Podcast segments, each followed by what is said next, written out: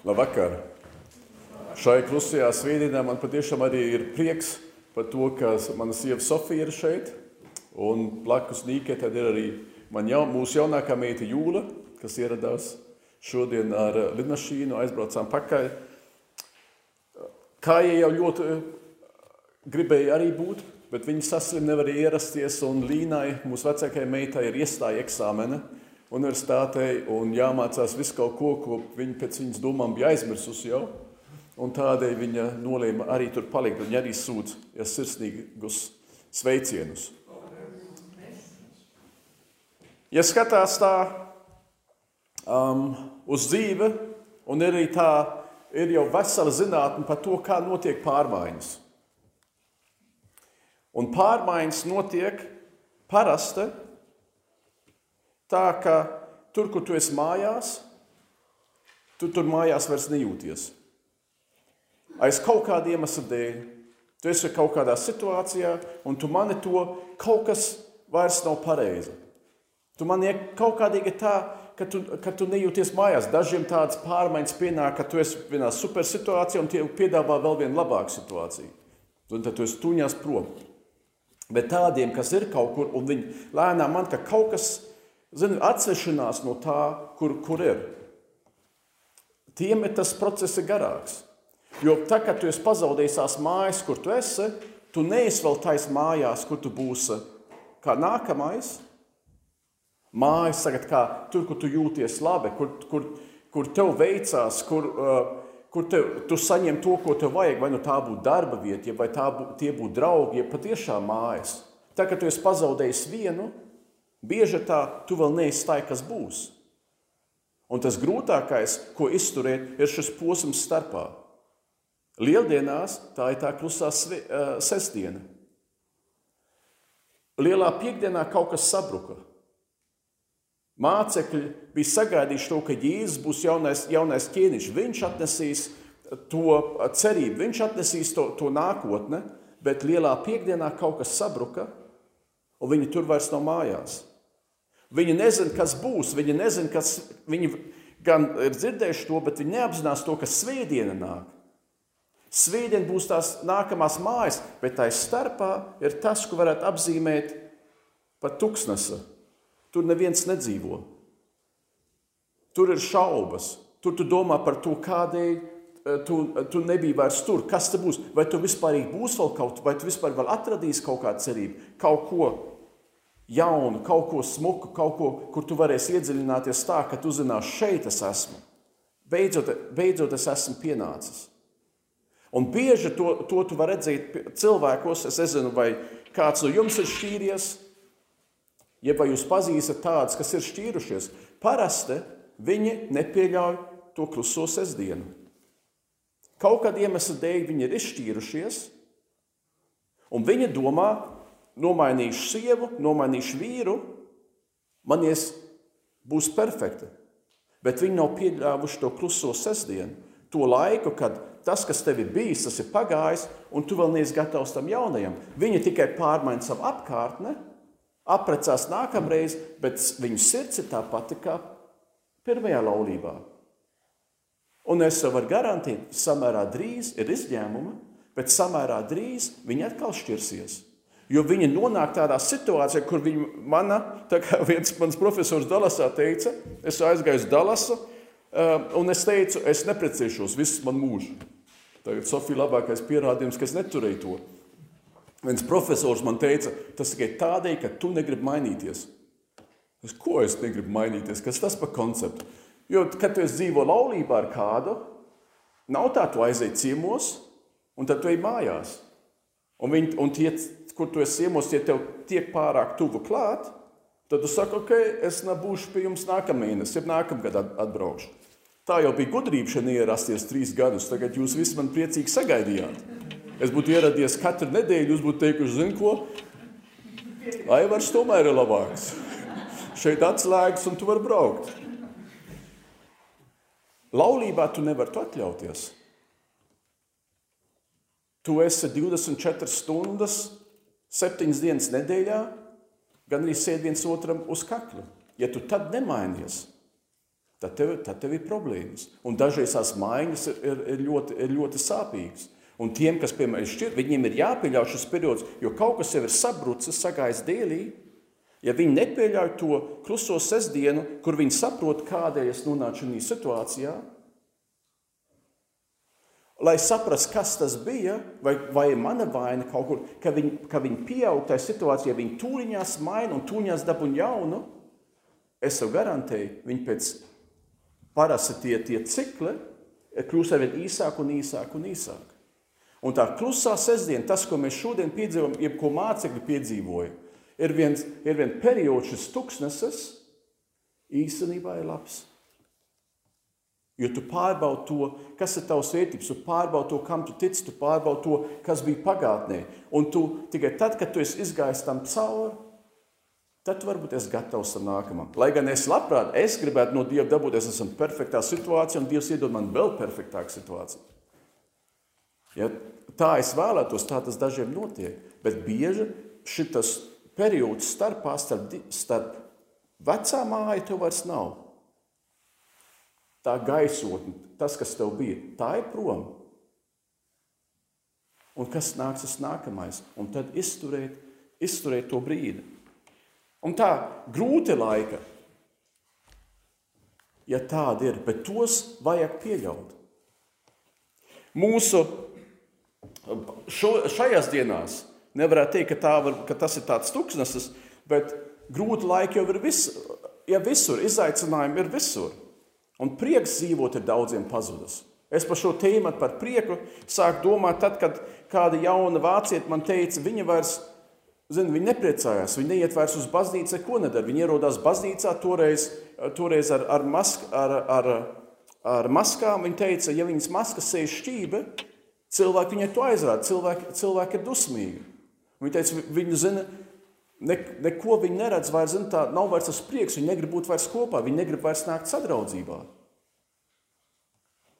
Arī, arī šausmīgi. Un tā prieks dzīvot daudziem ir pazudis, un tas jau vairāk tas jau kopš vairāk kā diviem gadiem, kopš Covid-19 parādījās. Un šodien mums vēl ir karš, ko es arī savā naivitātē domāju, Āfrikā vai kaut kur citur. Jā. Bet pie mums taču civilizācijā nē. Un šodien mums ir karš. Un cilvēkiem ir bailes no tā. Sestdienā pirms es ierados šeit, tas nozīmē, ka tā ir sestdienā pirms Uh, nedēļu pirms pupulsēdienas, pirms es ierados Latvijā, es arī sēdēju zin, savās mājās un domāju, man, man bija bail. Braukt, braukt vai nebraukt?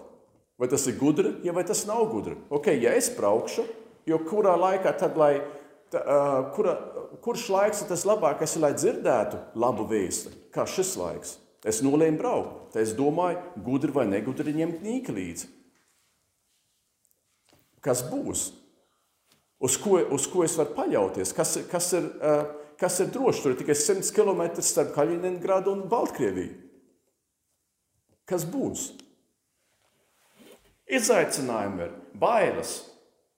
Un šodien es vēlos runāt par prieku, kas parasti ir pirmais upuris šādos izaicinājumos. Ka prieks zūd, cilvēks skatās apkārt, bailes nāk virsū, šaubas nāk virsū, citi iet, citi iet uz nerviem, trūks tas tas uh, piepildījums vai miers vai prieks vispārīgi, vispārīgi par dzīvi. Un ja kāds man jautātu, kā lūdzu, kādu tieši šodien vari runāt par prieku, tad es jautātu, kādēļ tad nē? Tieši šodien, tieši šajos laikos ir par to jārunā. Nav taču labāka brīža, kā runāt par prieku tieši šai klusajā sestdienā, starp lielo piekdienu un lieldienas svētdienu. Laikā, kad cīnāmies ar uzbrukumiem un krīzēm, lielām un mazām, tieši tad ir jārunā par prieku. Par prieka trūkumu, bet arī par mūsu vajadzību pēc tā. Un es gribu izvēlēties vienu, vienu stāstu Bībelē, par ko jūs varbūt esat pilnīgi pārsteigti, ka es to ņemu, lai, at, lai ilustrētu prieku. Un tas ir Lūkas evanģēlija 15. nodaļā stāsts par pazudušo dēlu. Un jūs varbūt esat, esat dzirdējuši, Vienam tēvam, bagātniekam, ir divi dēli. Un tas jaunākais saka, zini ko? Ja tu būtu beigts, man nebūtu nekā pretī. Lūdzu, izdals sadal mantu. Tas nozīmē, ka tajos laikos mantojumu tu saņēmi tikai tad, kad tas, kas deva mantojumu, bija miris. Un kad jaunākais dēls saka, zini, lūdzu, sadal mantu, dod man manējo daļu, būtībā viņš saka, tēte, zini, es nesērotu, ja tu būtu prom. Bet tēvs savā žēlastībā vai žēlastībā sadal to mantu, iedod tam jaunākam dēlam to, ko viņš gribēja, un tas dodas prom uz tālām zemēm. Tur viņš izšķēra visu. Un tad tas brīdis, varbūt arī tu, tu esi to piedzīvojis, tu dari kaut ko, un, un kaut kāds moments, kad tu pēkšņi saproti, kas ir pareizi. Daži to saka, kā dažreiz man nāk atpakaļ tas, kā man vecāki man mācīja lūgt. Zini, normāli es esmu kā Rietumnieks dažreiz uzaudzis, tu lūdz, un tas svarīgi tas, ko tu saki, bet nevis kā tu, ko tu dari tajā brīdī, kad tu lūdz. Un dažreiz, bet dažreiz man tā, ka es saku, es atceros to, ko man vecāki man mācīja. Dievs ir Dievs. Viņam es tuvojos ar dievbijību, un tad ir tie brīži, kad es patiešām nokrītu ceļos un lūdzu tā, kā man vecāki man mācīja. Jo tā viņi man mācīja, tā tu parādi dievbijību Dievam visuvarenajam. Un tā šis jaunākais dēls tagad izšķiets visu savu mantu, viņš nezina, no kā dzīvot, viņam nav nekā, viņš kā uh, ebrejs, kā jūds, iet cūkas ganīt, netīrākie dzīvnieki viņa vērtības sistēmā. Tos nedrīkst ēst, tiem neķerās klāt, un viņš viņ, par viņiem rūpējās. Un tad viņš pat vēlās ēst cūku barību, un neviens viņam to nedod. Un tad viņam nonāk tas moments, kad viņš atcerās to, kā agrāk bija. Viņš atcerās savu tēti, viņš atcerās to, kā tēta kalpiem gāja, kā viņa saimniecībā gāja. Viņš saka, es gribu iet atpakaļ uz mājām. Es kaut ko šausmīgi pazaudēju. Šī tuksnesī viņš saprata pēkšņi, kas tas ir, kas viņam bija, kas ir zudis. Un viņš grib rast to atkal pa jaunu, un viņš saka, es iešu, es iešu tur atpakaļ, kur es zinu, kur ir labāk. Un viņš to dara, bet tad viņš saka arī, sapratis to, ko viņš ir darījis. Viņš saka to, bet es teikšu savam tētim, es neesmu tā vērts, ka tu man sauc par savu dēlu, bet lūdzu, pieņem mani par savu kalpu. Jo būt kalpam tavās mājās ir labāk nekā būt kaut kādam dēlam svešumā. Un tā viņš iet atpakaļ. Un Jēzus atstās to, ka tā, ka tēvs redzēja to dēlu vēl tālumā, Nu, mēs šodien braucam uz Rīgu, lidostu dabūt uh, Sofiju un Jūlu. Uh, Santā teica, ka ir smuka Latvijā. Zin, tu, tu vienkārši tas plašums, tas klajums, zin, ko tu vari redzēt. Latvijā tu arī varētu redzēt, zin, patiešām kaut kā dēls nāk, nākam, zin, no tāluma. Un tēvs to ieraudzīs, skrien viņam pretī, apkamp viņu, nobučo viņu. Tas dēls sāk, sāk teikt to, ko viņš apzinās, ko vajag teikt kas ir pareiza, es neesmu vērts būt tavs dēls. Un tas, dēls, tas tēvs neliekās par to zinas, apģērb viņu, viņš ir nodušots, viņu uzstājas dzīves, lielus svētkus, un viņi svinēja. Un varētu domāt, kas par perfektu stāstu, jo tēvs saka, šis dēls bija pazudis, bet viņš atgriezies mājās. Ja tu vēl nekad neesi izteicis šo ticību Jēzum Kristum, Dievam, ka tu, esi, ka tu varētu teikt, tu esi pie Dieva mājās, tad pēc šī svētdienas, kad uh, dziedāsim dziesmu, kāds esmu tāds atnāk, tad tu arī vari nākt uz priekšu, izteikt to, es nāku mājās. Ja tu to vēlies darīt, ja tā ir tava izšķiršanās, bet tev vajag to brīvprātīgi darīt, ne tādēļ, ka tavu vecāku to tā grib un tu gribi viņiem izpatikt, jeb, jeb tava sieva to grib, jeb vai tavs vīrs to grib, tev to ir jāgrib brīvprātīgi. Ja tu to nedari brīvprātīgi, tad tam nav vērtība. Ja tu to tā gribētu darīt, tad tev būs tā iespēja. Un varētu tagad domāt, ja tu atstāsi šo stāstu līdz šitam punktam, tad varētu teikt, kas par perfektu sižetu vienai Hollywoods filmai. Ja mēs uzfilmētu šo te šeit otāņķos, es jau zinu, ka jums šeit ir apdāvināta cilvēka, tad mēs iegūtu nākamā gada Hollywood trofeju Oskar. Perfekta. Bet stāsts nav vēl līdz galam izstāstīts. Atcerieties, tēvam bija divi dēli. Un līdz šim mēs runājām tikai par to otru. Ir vēl arī vecākais dēls, pirmais dēls. Tas bija darbā, kad jaunākais atgriezās mājās, un kad svētki ir pilnā sparā, tad viņš arī ierodās. Viņš zina, kas tur notiek, viņš zina, kas, uh, kas tur ir. Un viņš neiet iekšā, uzzinājis, ka viņa jaunākais brālis ir ieradies. Un viņš saka, manos vārdos, tas cūka.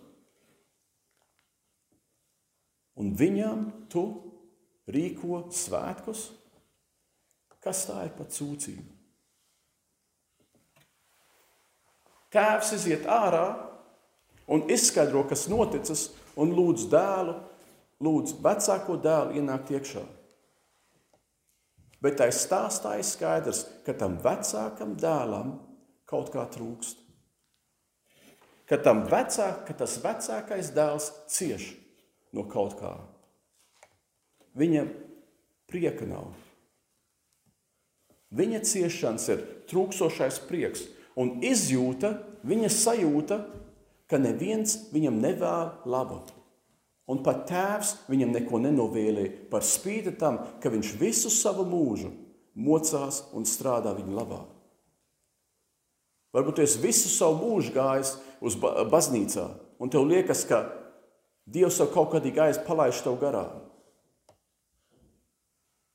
Tās ir vecākā vecākā dēla sāpes, viņa ciešanas, viņa mokas. Viņam nav prieka, un viņš nezina, no kurienes to saņemt. Bet pārliecība viņam ir, viņš ir mocījies līdz asinīm, un neviens viņam nevēl neko labu. Pirms dažiem gadiem kādā evanģelizācijas pasākumā es sēdēju pirmā rindā un skatījos uz to skatu, kas bija uzbūvēts. Un es brīnījos par to, kuras tur bija. Ja tie darbinieki, kas tur bija, un tiem daudziem darbiniekiem uz skatuves bija tik satraucoši vienaldzīgas sejas, ka es par to brīnījos. Es tur sēdēju un pārdomāju pie sevis. Ja es jau nebūtu izšķīries par Jēzu, ja es jau nebūtu atgriezies pie viņa, un ja es viņam jau neticētu, vai es tad gribētu dabūt to, kas tiem uz skatuves ir? Ne mazākais prieks ja vai laime bija saskatāma. Un es zinu, es zinu to, ka pēc ārienes spriest nav gudra. Un pēc ārienes man nevajadzētu spriest, un tomēr tava āriena atspoguļo to, kas ir tev iekšā. Parasti tā tas ir. Es reiz vienā evanģelizācijā gribēju satikt vienu Un tā bija pirmā reize, kas, kas tur bija. Bija tā telts, un pie telts jau stāv arī cilvēki pie durvīm, kas ielaiž iekšā. Es iekšā pasaku halo un dragai garām. Tas grib man runāt, bet es, es savā pazemībā domāju, man nav laika priekš tā kaut ko skrieju vienkārši garām. Vēlāk es at, at, aizgāju pie viņa atpakaļ un atvainojos, un viņš teica, bet es zināju, ka tev nevajag, ka tu neesi šeit ieradies kā viesis. Es pēc kā tu to zināji? Viņš teica, es redzēju tavās acīs, ka tev ir kaut kas. Un viņš teica, tiem, kuriem vajag Kristu, tiem tu to acīs neredzi. Ir ārienē, mūsu ārienē arī kaut kas saskatāms. Tīts mammiņa reiz stāstīja, ka viņa bija, viņa brau, viņa bija, tas bija kā draudzes izbraukums, bet viņa devās uz, uz Pēterburgu, uz, uz Ļeņģeradu toreiz. Un viņi nezināja to cilvēku, kas viņus saņems, lai dotu viņiem naktsmājas, arī brāļu māsas Kristū. Un tad viņi tikai teica, viņi tikai vēroja, vēroja tos cilvēkus un saskatījās ar vienu. Un tur bija, tur bija kaut kas līdzīgs, tur bija kaut kas skaists, un tā bija tā persona. Un, un tais, tavās acīs var kaut ko redzēt no tā, kas ir tavā sirdī. Tā kā es saku, pēc ārienes nedrīkstētu visu spriest, ar to esat, esat piesardzīgi, bet normāli tavās acīs var redzēt to, kas ir tavā sirdī. Man ir draugs Belīnē, ja es pazīstu draugu Belīnē, kas man ir dārga. Bībele viņiem ir ļoti svarīga kā pamats dzīvē un ticībai, un kad kāds tur ierodas uz dievkalpojumu, tu patiešām sagaidi pie durvīm sirsnīgi. Bet tā dievkalpojumā pašā es vienmēr jūtu tādu, tādu, tā kā, tādu smagumu, ka tu vairs, it kā tu vairs pat smaidīt nedrīkstētu.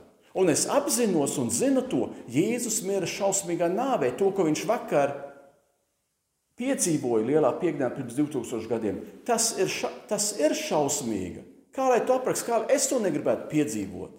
Un viņš to darīja manas, manas dēļ. Aiz mīlestības Jēzus upurēja sevi par tevi, par mani, mūsu grēku dēļ, nevis savu grēku dēļ. Viņam nebija grēku. Tas nebija taisnīgi vai tas nebija godīgi, ka viņš mira, bet viņš to tomēr darīja. Tas nozīmē, tas, ko viņš piedzīvoja, ka viņam vajadzēja tik daudz ciest manas dēļ, tas ir briesmīgi, un to es arī apzinos. Bet tas bija lielā piekdienā. Tagad taču, pirms 2000 gadiem, Jēzus ir augšām cēlies no mirušiem. Viņš ir dzīves. Viņš šodien taču sēž pie tēva, visu valdītāja, labās rokas debesīs, no kurienes viņš atnāks tiesāt dzīvos mirušos, no kurienes viņš nāks kā valdnieks mūžībā. Un tas taču ir iemesls mūsu priekam. Tas taču ir iemesls, ka mēs tagad, tie, kas to tic, mēs varētu piecelties un sekot Sandras piemēram, kas staigā parasti uz baznīcu, doties otrā virzienā, uz rudi un skaļi skandināt un jūsmot, Jēzus Kristus ir mūsu pestītājs. Vienreiz pa mums miras, bet viņa nāve pietiek, lai mūs šķīstītu un tīrītu no visa, kas mūs nospiež kas mums dod brīvību, kas mums dod prieku, kas mums dod laimi un cerību nākotnē. Tagad mēs taču to varam darīt. Mēs esam nāvi pelnījuši, bet Jēzus mūs no tās nāves izglāba. Dievs Tēvs mūs sauc par līdzmantiniekiem ar Jēzu Kristu savu dēlu. Mēs esam visu augstā bērni un mūžīgās dzīvības mantinieki debesīs. Kad tu to apzinājies, Vai tev nelaužās prieks ārā? Vai tev zini, kad tu to domā, to, tu apzinājies to, kā būtu bijis? Bez Kristus, kā būtu bijis, bet nav. Kristus dēļ, vai tu zini, vai tu negribi smaidīt par to? Es negribu staigāt kā muļķis apkārt, zinu, vienmēr zinu, smaids līdz ausīm, un cilvēki domā, kas tam par problēmām, ko viņš ir dzēris, vai zini, to teikt, ko viņš no rīta dzer, es arī gribētu. Tas būtu mazliet tas būtu, tas būtu pārspīlēti. Bet, kad tu apzinājies, mūžīgais Dievs sauc tevi tavā vārdā, Viņš tev pazīst. Mūžīgais Dievs ir skaitījis matus uz tavas galvas, tu neesi viņam vienalga. Viņš tev pazīst, viņš tev zina. Viņš tevi gribēja, jo viņš tev radīja. Kad tu to apzinājies, ka nāve un pazušana ir uzvarētas, un ka to ar Jēzu apliecina Ja, tā kā viņš Jāņa evanģēlijā teica, 5. nodaļā, 24. pantā, patiesi, patiesi, es jums saku, kas manus vārdus dzird un tic viņam, kas mani sūtīs, tam ir mūžīgā dzīvība, un tas nenāk tiesā, bet no nāves ir pārgājis dzīvībā. Ja tu tici Jēzum Kristum, tu esi dzirdējis viņa vārdus, tu tici Jēzum Kristum, tad šodien ar vienu kāju tu esi debesīs. Tev ir mūžīgā dzīvība jau šodien. Vienalga, kas ap tevi notiek, tu esi atpestīts un tu dzīvosi mūžīgi debesīs. Tā ir, tā ir realitāte. Un kad tu to apzinājies, tad es saku, vai, vai tev negribās smaidīt un līksmot, ka tas tā ir? Kam vēl ir jābūt, lai tu priecātos? Kam vēl ir jānotiek, lai tu saprastu ka tā ir milzīga dāvana, tas ir iemesls tādam priekam, kas tev tā pārņem, ka tu citādāk nevari kā smaidīt. Un es saprotu, ir momenti, kad tu dievkalpojumu nedrīkst, nedrīkst smieties. Jo tas vecs, vecais joks Latvijā stāstīts, kādai somas smējās svētdienas rītā dievkalpojumā, tieši sprediķa laikā. Piektdienas vakarā viņam izstāstīja joku, Sestdien viņš visu dienu domāja, un svētdien viņš viņu beidzot saprata.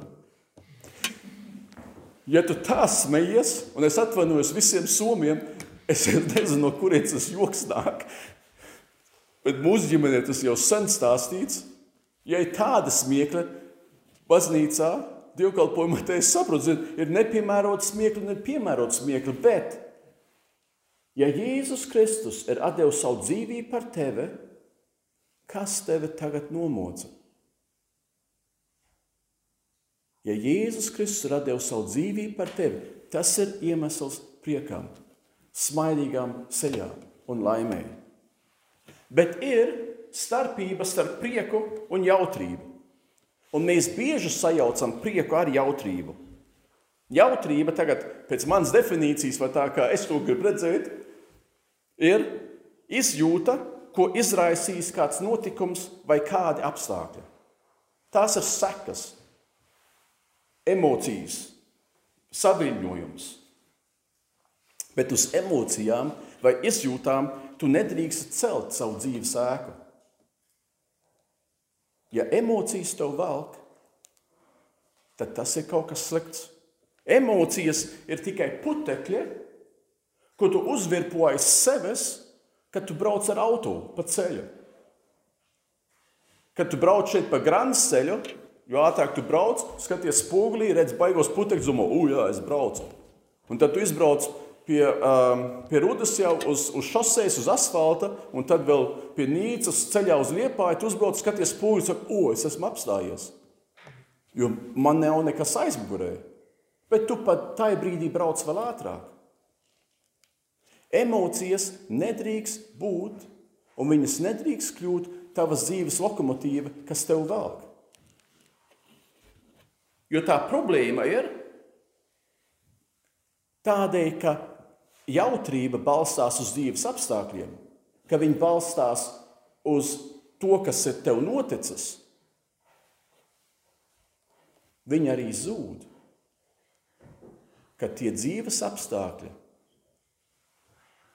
pazūd, ja pat sliktāk, kad nelaime vai kaut kāda cita traģēdija tev trāpīs un tev ķers. Tu savu dzīvi nedrīkst būvēt uz emocijām. Tavai dzīvei ir jāstāv uz droša pamata, kā uz dieva apsolījumiem.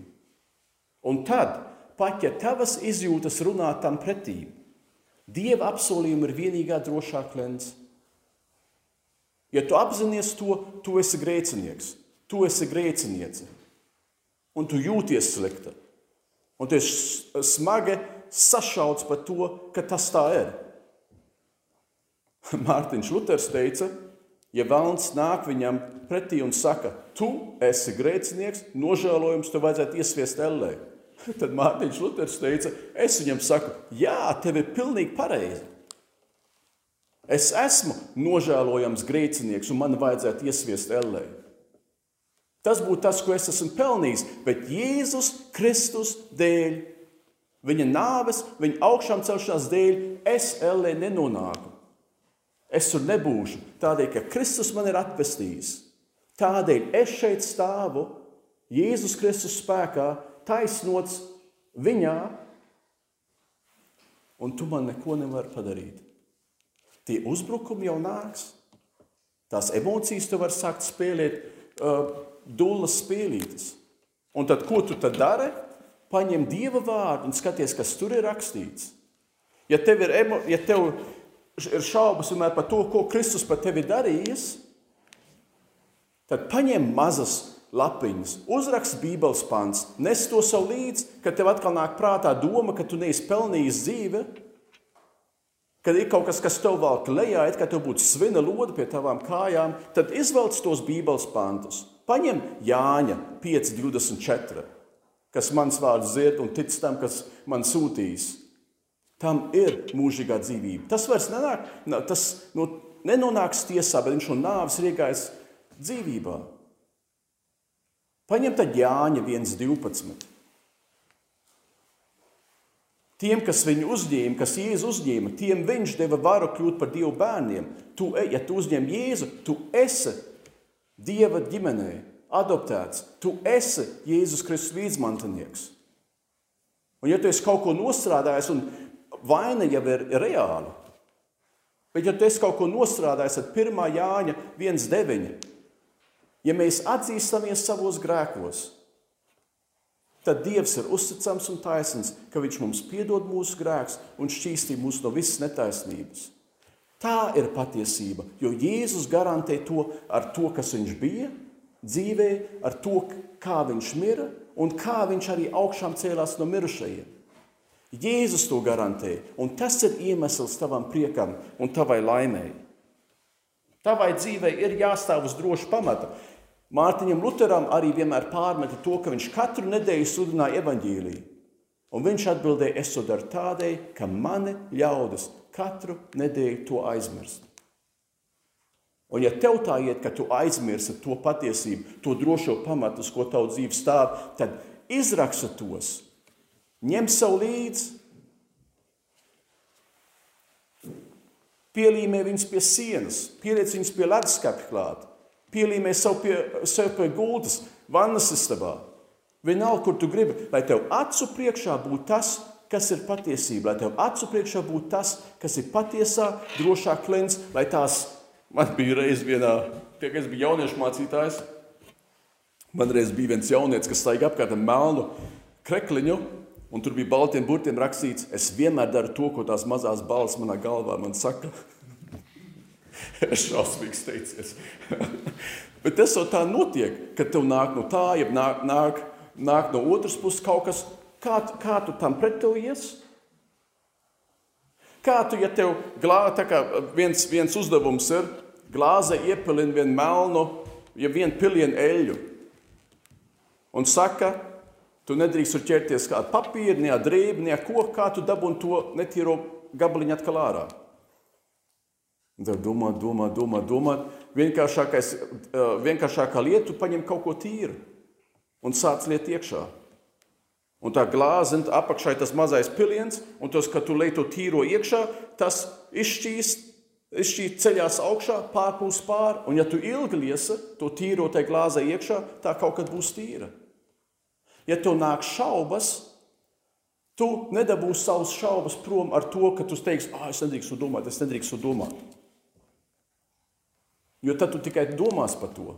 Tas, tas es, man liekas, jau pirms vairākiem gadiem to teicu, tas ir tas triks ar to balto ziloni. Ja es jums iedošu, es nezinu, cik daudz naudas man līdzi ir, es jums iedošu 20 eiro, ja jūs nākamās piecās minūtēs nedomāsiet par baltu ziloni. Ja pa vienalga, par ko domā, bet nekad, ne, nekad nepievērs savus domas baltiem zilonim. Un normāli tā, kā mēs cilvēki esam radīti, tu nevari nedomāt par to. Tādēļ, ka es tev nu pat esmu teicu, arī kā aizrādījumu, tu nevari par to nedomāt. Bet domāt tikai vienmēr par to, es nedrīkstu, es nedrīkstu, es nedrīkstu, um, zog tev prieku dzīvē. To tā kā Bībele saka, tas, kas ir labs, kas ir cēls, kas ir cildens, par to domājiet. Kā tu dabūni to, zilo, to balto zilo no tās ūdens glāzes ārā? Lej kaut ko citu iekšā, lai tas zilonis paceļās, pārlīs pāri, tagad tev ir kaut kas cits. Ja tev nāk šaubas virsū, un tu nezini, ko darīt, nefunkcionē tas, ka tu saki, es nedrīkstu par to domāt, es nedrīkstu par to šaubīties. Tu tam pretojies, ka tu paņemi Dieva vārdu un sāc to lasīt. Kad tu mācies no galvas Dieva vārdu apsolījumus, un tie ir tavā sirds noliktavā, ka tā, kad tev trāp kaut kas, tu izvelc tos no savas noliktavas, un tev tas ir acis priekšā. Tu cīnies pret ļauno ar to, ka tu uzpildi sevi labo. Tā tas funkcionē. To tu vari redzēt arī pie maziem bērniem, ja viņi paņem šķīras vai sazinkas, un tu zini, nākamā brīdī viņi sitīs sev vai ievainos sev vai ko. Tu vari bļaut, skriet virsū, raut ārā, bet tad var gadīties, ja tu raus ārā, tad viņi vēl vairāk sev sagriezīsies. Tu parasti izbeidz no tās situācijas, ka tu viņiem piedāvā kaut ko, ko viņi grib vēl vairāk nekā to, kas viņiem rokās ir. Tu pretojies pret to ļauno, ar to labo, kas ir Dieva, Dieva vārdā. Un tā tu cīnījies. Tavai dzīvei jāstāv uz drošu pamatu, uz Dieva apsolījumiem. Un prieks, patiesa prieks, tas nenāk no emocijām. Prieks ir citādāks kā jautrība. Prieks ir kā ankurs, kam droši piesiet savu sirdi un dvēseli. Ebreju vēsturē 6. nodaļā rakstīts, ka cerība mums ir stiprs un drošs dvēseles ankurs, kas sniedzas dziļi iekšājas priekškara, kur Jēzus par mums iegāja pirmais. Un prieks ir tāpat kā cerība. Ankurs sirdī un klints dvēselē. Nēmijas grāmatā 8. nodaļā, kad Nēmija bija atsūtīts atpakaļ trimdniekiem, sagrauta pilsēta. Tad, skatoties uz Ukrajinu, mēs zinām, ko tas, ko tas nozīmē, kā tāda pilsēta izskatās. Viņš uzbūvēja atkal mūrus ap Jeruzalem, lai Jeruzalem būtu atkal droša no, no ienaidniekiem. Un, kad viņi to, kad viņi to sāka būvēt, bija tāds moments, kad viņi arī sāk atkal lasīt Dievu vārdu, jo Ezra priesteris tur arī bija. Viņi atkal sāk mācīt Dievu vārdu, un viss šis te cilvēkiem parādīja to, ko viņi nav darījuši visus šos gadus. Un viņi sāk raudāt. Viņam bija žēlabas. Un tad Nēmija teica, ejiet, ēdiet treknu, dzeriet saldu. Tas sviniet toreiz. Ja mēs šodien sakām, ka vajag ēst ar maz taukiem, tad ņemat to tā, kā ir. Bet toreiz ēst treknu un dzert saldu, tā svinēja, jo to, tas nebija parastais ikdienas ēdiens. Un viņš teica, dodiet tiem, kam nav nekā ko ēst, jo šī diena ir svēta mūsu kungam. Neskumstiet, jūsu patvērums ir prieks, ko dod kungs gūt atpakaļ prieku. Pēc manām domām, tev ir jāizdara it kā norēķinu pārbaude. Tas nozīmē, ka tu skaties, kas ir pluss, kas ir mīnus, un tu skaties, kur tu, ja tu novelc strīpu apakšā un summu izvelc, kas paliek pāri. Kā tev ir un kā tas attiecas pret to, kā tev nav. Kā es tur nonācu? Apmēram 5-6 gadus pirms es iepazinu Sofiju, es biju Dallasā, studēju tur, un es jau aizgāju to pilnīgo pārliecību, es neprecēšos. Un tad ierau, ieskatījos vienā pirmā gada studentē. Un es nesapratu to amerikāņu veidu, ka viņa tik, tik pieklājīga, ka viņa asi to nevar pateikt, viņam nav nekāda interese. Viņa tā runā, zina, šeit ir žoks, viņa nesaka, tur ir žoks, bet viņa tā runā, un, un viņa domā, ka tu sapratīsi, bet es kā Eiropietis nesaprata. Es nu, saku, man tā, viņi to neteica. Ja viņi teica, viņas mamma ir pilsētā, es teicu, no, ka hei, pēc nedēļas nogas viņa atkal būs prom. un tad tas, tas labākais, bet tas ir cits stāsts. Viņa aprecēja uh, studentu kopmītnēs uh, manu tuvāko draugu. Ja, bet tā kā es teicu, tas ir, tas ir cits stāsts. Bet tā kā es pamanīju to, nebūs nekas. Nekas nefunkcionēs. Un tad es vēl arī uzrāvos um, Pāvila vēstulē romiešiem, kur Pāvils citē no vecās derības. Pāvila vēstulē romiešiem 9. nodaļa, 15. pants, jo mūzum viņš saka, Dievs, es apžēlošos par to, par ko apžēlošos, un kam gribu līdzi, jūs tam jutīšu līdzi. Un tas bija tā kā, zini, es stāvu šeit, un Dievs paņem vienu veseru un tā. Ja man tā sajūta bija, es, kā, kā lai es panāktu to, ka Dievs dara to, ko es gribu? Un šis citāts bija tas, ja Dievs negrib, viņš nedarīs to, ko, ko es vēlos. Tā bija tāda, zin, tāda. Nekāda, nekādas cerības nav, ka viņš, ka viņš darītu to, ko es gribu. Un es aizgāju tajā vakarā uz bibliotēku, tajā uh, seminārā, un sāku lasīt, lasīt kaut ko, un uzrāvos uz to, ka tur bija dota pavēle priecāties. Un tas, tas man pārsteidz, bet tur ir Filipiešiem 4.4. ir teikts, priecājieties kungā vienmēr, un es sacīšu vēlreiz, priecājieties. Kādēļ tā ir pavēle? Kādēļ Dievs to var pavēlēt? Es vienmēr domāju, ka prieks ir sekas tam, ja man iet labi. Saprotat, kaut kas labs notiek, tev iet, iet brīnišķīgi, tad ir prieks. Nav tik labi, ir grūti, ir izaicinājumi, tad es domāju, es drīkstu, es patiešām teicu, man ir tiesības staigāt apkārt ar ģīmi, kas ir kā ieskābēta gurķi. Jo tā es jūtos. Bet kādēļ tad Dievs var teikt, priecājieties? Kādēļ tā ir pavēle? Ja tās ir sekas kaut kam, tad viņiem vajadzētu mainīt manas dzīves apstākļus, un tad nāk prieks. Bet viņš saka, tavu dzīves apstākļi man ir vienalga. Šī gadījumā patiesībā jau nē, viņam tie nav vienalga, bet viņš saka, tavu dzīves apstākļi man ir vienalga, es tev saku, priecājies. Un tad es domāju, es, ne, es nevaru vienkārši tā, zin, pārliek, zin, slēdzu, un tā kā pārliek slīdzi, un tad es sāku priecāties. Es nolēmu um, uztaisīt tā kā norēķinu pārbaudu, plus, mīnus. Un es patiešām nosēdos tur bibliotekā, paņēmu vienu baltu papīra lapu, novilku st uh, līniju, strīpu pa vidu un rakstīju vienā pusē, kā man ir, un otrā pusē, kā man trūks, ko es gribu. Un tas norēķins man, man pārsteidza. Rezultātā es konstatēju, ka tas, kas man bija, sita pušu to, kā man nebija. Ne tādēļ, ka, man, ka tas, kas bija plusā, bija daudz uh, vairāk, Tas, ko es gribēju, vai pēc kā es ilgojos, tas saraksts bija daudz lielāks nekā tas, kas man bija. Bet, kad es salīdzināju to, tos, cik daudz sver tas un cik daudz sver tas, tas, kas man bija, sita puši to, kā man nebija. Jo kā lai es atlīdzinu manas ģimenes mīlestību pret mani? Tie cilvēki, kas man mīl. Kā lai es atlīdzinu to Maiku un Tišu Losonu? Maiks man ielūdza iet uz Dallas studēt un viņš uzņēma mani savā ģimenē tā kā, tā kā trešo bērnu. Es par viņiem jutos kā mājās. Kā lai es atmaksāju to, ka man bija iespēja studēt ASV bez parādiem un nobeigt tās studijas tur? Vai lielākais plus manā dzīvē? Kā lai es atmaksāju to, ka Jēzus Kristus deva savu dzīvību par mani? Iedomājieties to! ir kāds cilvēks, kas saka, ka viņš mīl tevi tik daudz, ka viņam pa, viņa paša dzīvība nav viņam vērta tik daudz kā tavējā. Ka viņš iziet ārā un tagad nāk kaut kāds, kaut kāds tanks, atregājas arī šurp no Ukrainas Latvijas virzienā un ir šeit. Un tu tuņās dabūsi lodu papīru. Un pienāk viens priekšā un saka, ja vienam ir jāmirst, tad es miršu. Es gribu, ka, es gribu, ka tu dzīvo. Un tad tu redz arī, ka viņš mirst.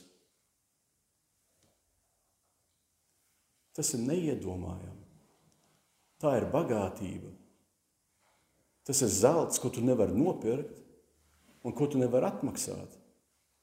Bet Kristus to priekš mums izdarīja, ka viņš nostājās šīs lodes priekšā un viņš viņu saņēma.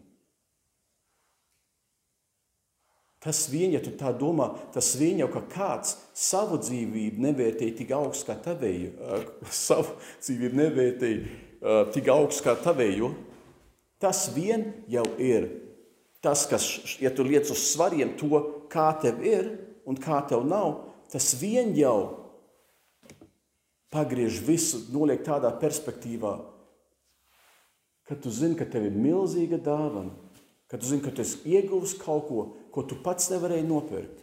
Bet tev tas ir viņa žēlstības, viņa mīlestības dēļ. Un tad, ja tu to apzinājies, tu būtu tur beigts, gulējis tur uz zemes. Bet tu neesi tas, tu esi dzīves, tu esi šeit, tu elpo, tavas acis redz šo dabu ap tevi. Tu vari dziedāt, līksmot, rakstīt, vienalga, ko dari, strādāt, radīt kaut ko savām rokām. Tā ir žēlastība, tā ir mīlestība, un tas ir iemesls tavam priekam. Nekas cits. Filipiešiem 4-4 priecēties, un vēlreiz es jums saku, priecēties, māca mums, ka prieks ir apzināta izšķiršanās, ka tas ir apdomīgs lēmums. Tu izvēlies to. Tā ir tava izvēle. Tā vakarā es gāju ārā un zem tumšajām Teksas debesīm es noslēdzu derību ar Dievu. Un es teicu, no šī brīža es gribu izjust prieku. Es gribu priecāties, jo tu saki, priecēties, tu dod to pavēli. Tātad man tas ir iespējams darīt. Vienalga, kas man par dzīves apstākļiem ir. Jo es zinu, ja es skatos dziļāk, es zinu, uz kādu pamata stāvu. un tas pamats man ceļ augšā. Jā, es vēlos tās lietas, jā, es gribētu maniem bērniem dot daudz vairāk nekā es varu viņiem dot. Jā, es gribētu, ka man dzīve būtu vieglāka. Bet tomēr es stāvu uz pamata, kas ir tik liels, tik cildens, tik stiprs, tik mīlestības pilns un tik drošs man, ka no tā nāk mans prieks. Un, ja šis man nomāca, es skatos tur, un es skatos atpakaļ. Es jau nekļūstu akls tiem izaicinājumiem. Tie jau vēl visu laiku ir. Bet šis man dod to prieku, skatīties uz to un neiz, neizbest pilnīgi. Un prāts attaisno, to jau reformatūra teica 16. gadsimtā. Prāts attaisno, ko sirds nolēmusi. Ja tavs sirds nolēms, tu gribi priecāties, tavs prāts attaisnos to, viņš atradīs iemeslus. Labākais piemērs tam ir negribēji iet skolā, meklēji attaisnojumus. Zini, kā, kad neiet skolā, ja esi slims. Vai es izklausos tā, zinu, ka man mamma ticētu, ka es esmu slims. Ja tas nefunkcionē, tad es esmu bāzes termometrs zīmā pie radiatoriem. Un vienreiz bija tik augsts, ka manā māmiņa skatās uz to. Es saprotu, es kaut ko esmu izdarījis nepareizi. Tā temperatūra bija tāda, ka man īstenībā jau vajadzēja jau būt beigtām. Dažreiz tas nefunkcionē, bet man sirds nolēma, es negribu iet uz skolu, un prāts visu laiku meklē attaisnojumus. Tu sāc diētu, bet īstenībā tu negribi. Tad iepriekšējā vakarā ēd kā dūls, jo tu saki, rītdien tu tik un tā darīsi diētu. Ko sirds nolēmusi, to prāts attaisnos. Ja tavs sirds nolēma priecāties, tavs prāts atradīs tam iemeslus. Un priekam ir dzīvē ir daudz kā kopēja ar cerību, un ne tik daudz kopēja ar dzīves apstākļiem. Angļu raidsacija BBC sāka reiz pirms daudziem, daudziem gadiem ilgtermiņa projektu ar jaundzimušajiem. Un viņi nolēma viņus uz, man liekas, uz 20 gadiem, gribēja sekot viņiem līdzi. Un tos žurnālistus pārsteidza, ka tas pats atgadījums rada dažādas reakcijas dažādos cilvēkos. Ja kāds tuvs mir, cilvēks mira, tad daži bija tā sašauti, un citi nē. Un viņi brīnījās, viņi brīnījās par to. Bet tam ir daudz kā kopējā to, kas tev ir sirdī. Vai tev ir cerība, vai tev nav. Mani šokē tā slavenība. Saka, es saku, man uh, aktieris kas man ļoti patīk, Robins Viljams. Apdāvināts kā dūls, Oskaru arī beidzot bija uzvarējis. Ja slavēts un sumināts, un tad viņš saņem to šausmīgo diagnozi, kas viņam būs par slimību, un ko viņš dara kā nākamo pašnāvību. Par spītam, ka viņam bija viss, un man, viena no manām mīļākajām pilsētām pasaulē ir San Francisco, jo tur ir kalni, un tur ir okeāns, un tur, un, uh, un tur ir tilti. Viņš dzīvoja tajā apgabalā, smukā mājā, precējies, meita, bagātība, slava. Un viņa sirds ir tukša. Ka tad, kad viņš saņem tādu diagnozi, ka viņa dzīve būs savādāk nākamajos brīžos, viņš to nevar izturēt. Un, un tas ir žēl, bet cerība tavā sirdī Un prieks nav atkarīgs no taviem dzīves apstākļiem. Tas atkarīgs no tā, kas ir tevī un kas ir tas pamats, uz kā tu stāvi. Ja, tu man, ja tev ir šie izaicinājumi un tev nav šis pamats Jēzus Kristus, tad es tev lūdzu, ka tu šodien izšķiries par viņu.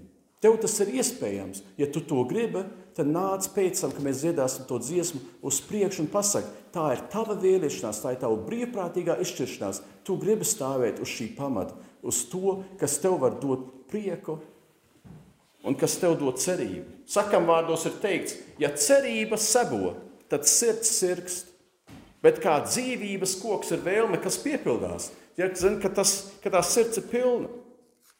Un Jeremija 29.11 saka, es zinu savus nodomus, ko es jums esmu iecerējis. Saka, kungs, miera nodomus, ne ļaunus.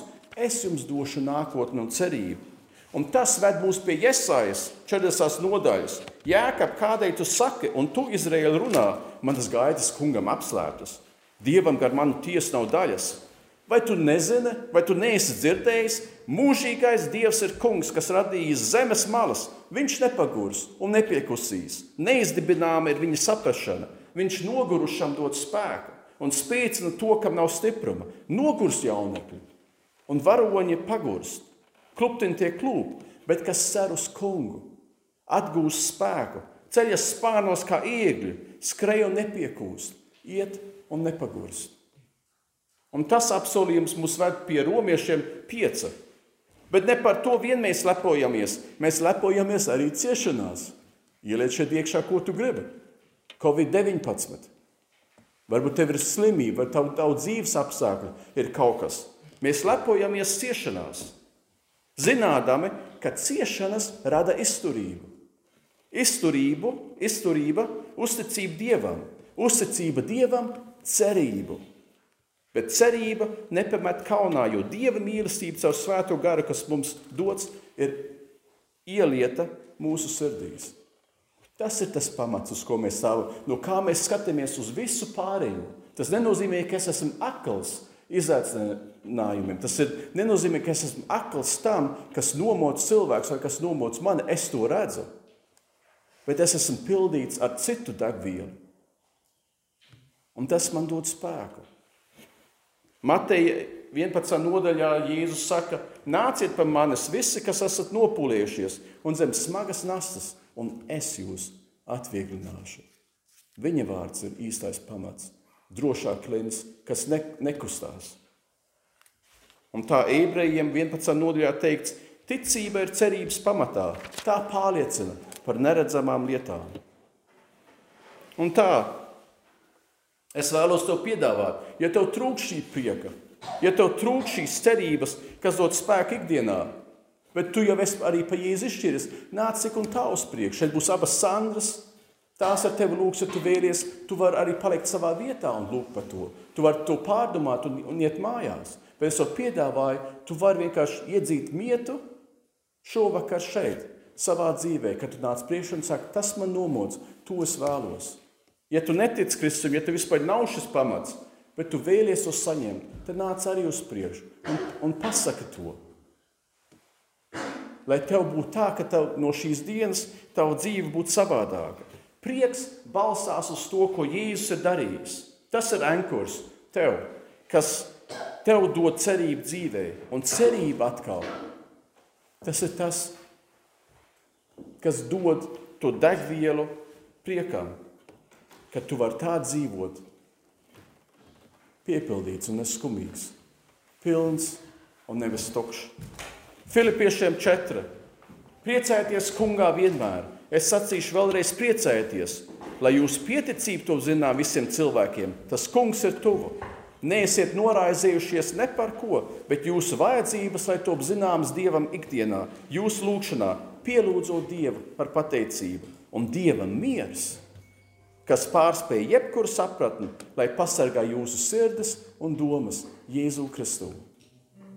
Ja tu vēlies šo iegūt, ja tu vēlies šo, šo apstiprināt, tad es tev lūdzu, tad, kad dziedāsim šo dziesmu, kāds esmu tāds sapnāk, ka tu tad nāc uz priekšu, tur izvēlēties vai nu pie vienas sandras, vai pie otras sandras, ja pie manis.